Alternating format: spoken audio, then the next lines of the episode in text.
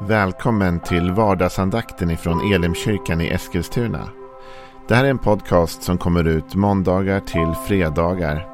Om du vill veta mer om vilka vi är, vad vi tror på, hur du kan komma i kontakt med oss eller vad vi kan erbjuda dig för någonting så gå in på www.elimkyrkan.com. Får jättegärna gå in och likea vår Facebook-sida. Det är facebook.com elimeskilstuna. Eller så söker du upp oss på YouTube och då söker du på Elimkyrkan Eskilstuna. Vi vill jättegärna komma i kontakt med dig. Men nu lyssnar vi till dagens andakt. Välkommen till vardagsandakten. Jag heter Joel Backman och ska ta med dig några tankar ur Ordspråksboken idag. Vi håller på att gå igenom den boken och kapitel för kapitel. Men vi tar inte vers för vers och inte ord för ord. Utan varje dag så lyfter vi fram någon kunskap, någon vishet, någon lärdom ur just det kapitlet. Då. Och vi har kommit fram till det fjärde kapitlet idag. Och än så länge är kapitlerna ganska liksom långa i sina meningsbyggnader och, och tankegångar. Längre fram i Ordspråksboken så kommer det bli annorlunda. Då kommer det bli kapitel fulla av ordspråk. Korta men kärnfulla och kraftfulla. Och då kommer vi kanske bara ta ett sånt och gå igenom varje dag. Men än så länge finns det liksom en hel del grund som läggs av Salomo som har skrivit där. Och i det fjärde kapitlet så är det det här liksom samtalet mellan fadern som får symbolisera Gud i det här fallet och sonen som är vi liksom på något sätt som ska ta emot då visdom från vår far, vår himmelske far.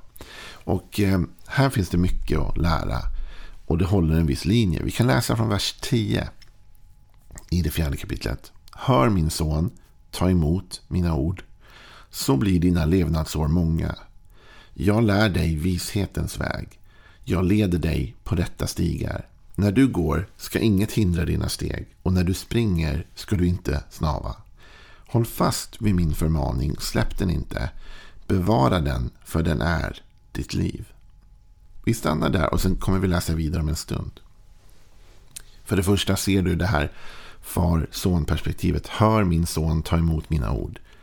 Alltså som Gud som en förälder som vill guida oss och leda oss rätt. Och som vill leda oss på rätta stigar. Det är ju det som kung David sen kommer att skriva i sin kanske mest kända psalm. Psalm 23. Du leder mig på rätta stigar eller rätta vägar. Ditt namn till ära. Och här står det.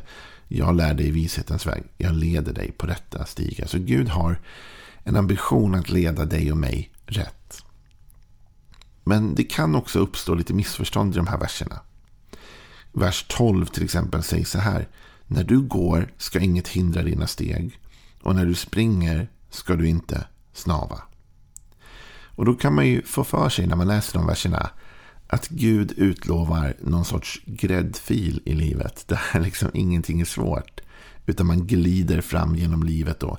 Inga hinder, inget snavande och så vidare. Och ändå vet ju du och jag som har levt ett tag att livet är eh, faktiskt så att ibland så hindras vi. Och ibland så snavar vi. Och då måste man ju fråga sig, men är det Gud som sitter här och ljuger eller vad är det som händer? Vet du, den här texten har vissa liksom conditions till den. Den har vissa förutsättningar. Det står, hör min son, ta emot mina ord. Så blir dina levnadsår många. Jag lär dig vishetens väg och jag leder dig på rätta stigar. Då står det inte, men så kan man tänka när du går. Ska inget hindra dina steg. Alltså, Gud ger oss sitt ord att leva efter. Han ger oss vishet. Han leder oss fram. Men det kräver någonting av oss. Dels att vi tar emot de orden. Hör min son, började det. Ta emot mina ord. Ibland är det ju så nu talar jag bara för mig själv, för du kanske har ett sånt där superperfekt liv där allting bara eh, är gräddfil. Men om man tänker så här. Jag snubblar och faller ibland och blir hindrad ibland. Och ibland så kan det vara omständigheter och olika saker, absolut, som inte jag kanske alltid kan rå på. Men vet du, ibland är det också så att jag snubblar, jag snavar, jag blir hindrad. Därför att jag inte lyckades med det första. Jag hörde inte vad Gud sa. Jag lyssnade inte till hans ord. Jag tog inte emot dem. Jag tog inte emot hans vishet. Och jag gick inte på de vägar som han ledde mig. Utan jag gick på mina egna vägar. Och så snubblade jag där. Nu är det ju så. Att Guds nåd är så oerhört stor mot dig och mig. Att även att du, när du och jag misslyckas i att ta emot hans ord. Även när du och jag misslyckas med att vandra den visa vägen som han försöker leda oss in på. Även när vi inte följer honom utan vi går vår egen väg. Vi snubblar, vi faller, livet blir jobbigt. Så är Gud där och plockar upp oss. Hans nåd är större. Där synden eh, regerar, där överflödar nåden ännu mer. Så det är så faktiskt att när du och jag, även när vi faller, när vi kommer på avigvägar, då är Gud där och hjälper oss rätt.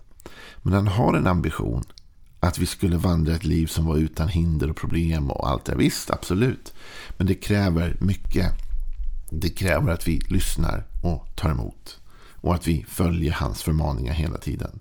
Och det är en utmaning för vers 13 efter detta med att vi skulle, inget skulle hindra våra steg när vi springer och vi inte ska snava. Så kommer faktiskt en uppmaning direkt. Håll fast vid min förmaning. Släpp den inte. Bevara den, för den är ditt liv. Håll fast, släpp inte, bevara. Det här är liksom tre nycklar som Gud ger oss för att vi ska klara den här livsresan så smidigt som möjligt. För det första, ingen av oss, varken du eller jag, kommer att ta oss igenom det här livet utan att någon gång bli hindrad. Eller utan att någon gång snava. Det kommer vi göra och vi kommer misslyckas och det är en del av livet att vi inte alltid seglar liksom rätt igenom. Va? Men Guds uppmaning till dig och mig för att ändå få en så pass smidig livsvandring som möjligt genom allting. Det är detta att hålla fast vid de förmaningar han ger. Att inte släppa taget om den kunskapen och verkligen bevara den. Alltså bevara Guds ord i mitt hjärta. Bevara hans ledning. Bevara närvaron, bönelivet, allt detta.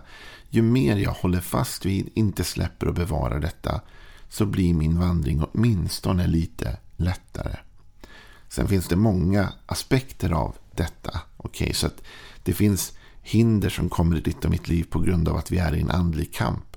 Det har ingenting att göra med om vi vandrar rätt eller inte eller om vi lyssnar eller inte. Utan den kampen, den svårigheten kan komma just på grund av att vi gör det rätta. Och det finns andra saker som händer, folk som gör. Så att det finns hinder som kommer in som inte vi kan påverka. Men nu pratar vi om sånt som vi kan påverka. Med andra ord, de hinder jag springer på själv. Eller det snavande som jag orsakar själv som inte är någon annans fel.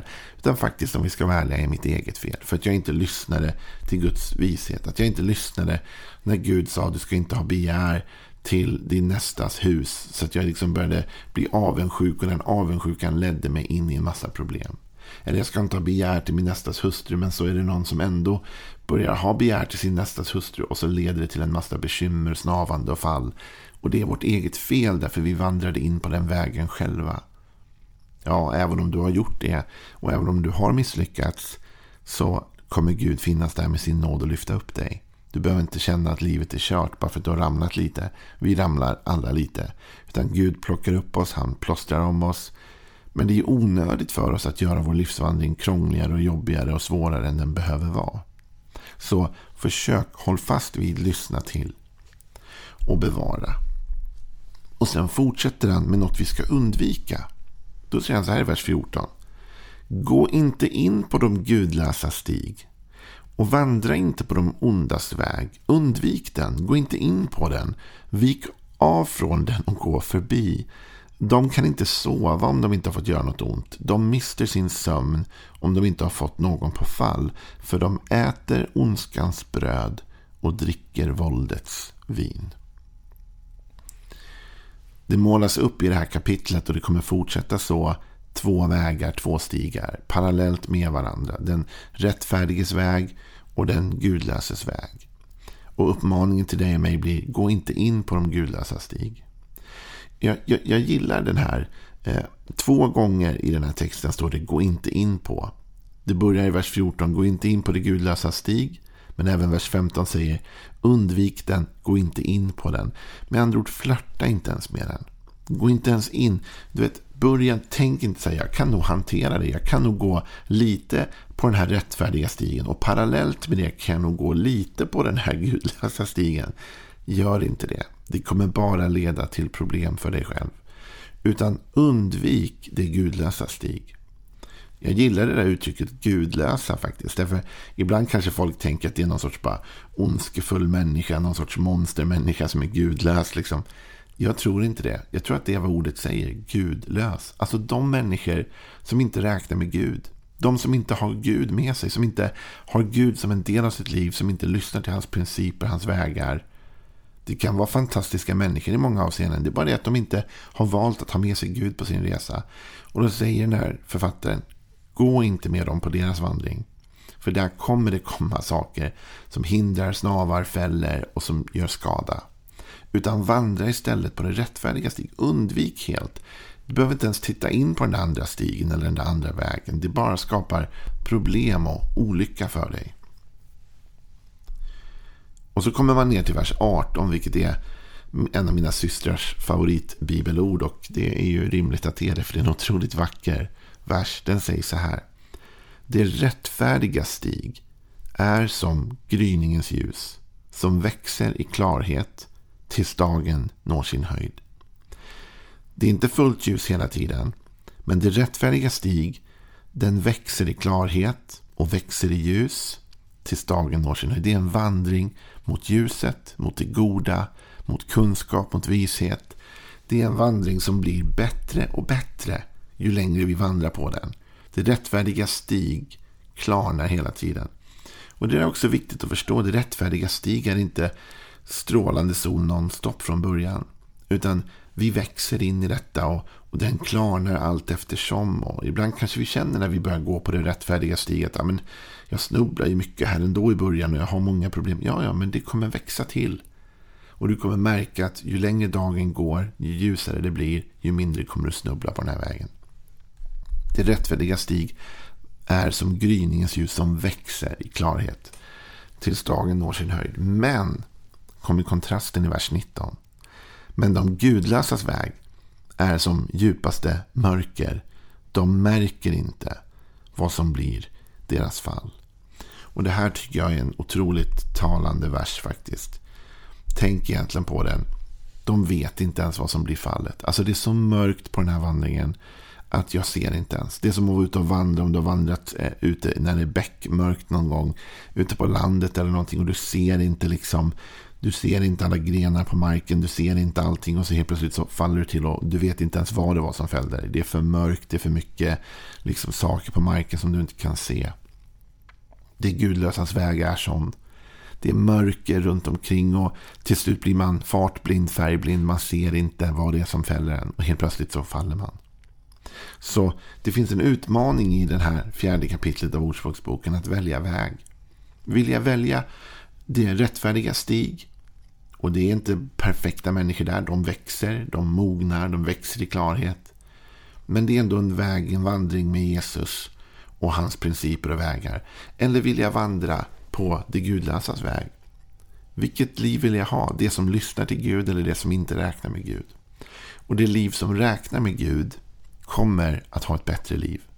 Kommer att ha ett liv där visst vi kan snubbla, falla för vi är bara människor och visst det kan komma utmaningar. Även andra utmaningar som jag inte talar om här. Men andlig kamp, olika saker som händer. Men den stigen är ändå mindre snavande, fallande och hindrande. Eller vill jag välja mörkrets, det gudlösas väg. Där jag till slut inte ens ser vad det är som blir det fällande. Jag tror att du vill välja Guds väg. Ehm, och ehm, då ger det till slut det goda. Eh, så det sista vi kan läsa är vers, vi hoppar fram ända till vers 25 faktiskt. Låt dina ögon se rakt fram. Rikta din blick rakt framför dig. Tänk på stigen där din fot går fram. Låt alla dina vägar vara rätta. Vik inte av åt höger eller vänster. Håll din fot borta från det onda. Här är en fantastisk text. Tänk på hur du vandrar. Tänk på vilka val du gör. Tänk på att liksom det sker inte per automatik. Utan när vi väljer Gud och vi väljer hans väg. Vi väljer hans vishet. Vi väljer hans vägar. Då, ja, men då, är vi, då kommer vi att ha ett mer smidigt liv på många aspekter och många sätt.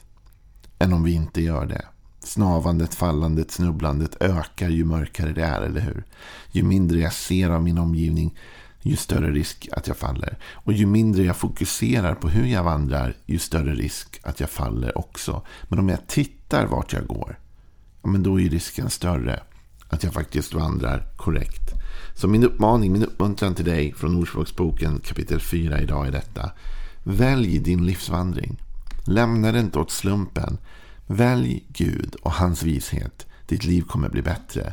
Vik inte ens in, gå inte ens in på det gudlösas väg. Det kommer inte ge någonting gott. Ha en välsignad dag. Imorgon är vi, eller på måndag är vi tillbaka med det femte kapitlet. Ha det bra. Hej!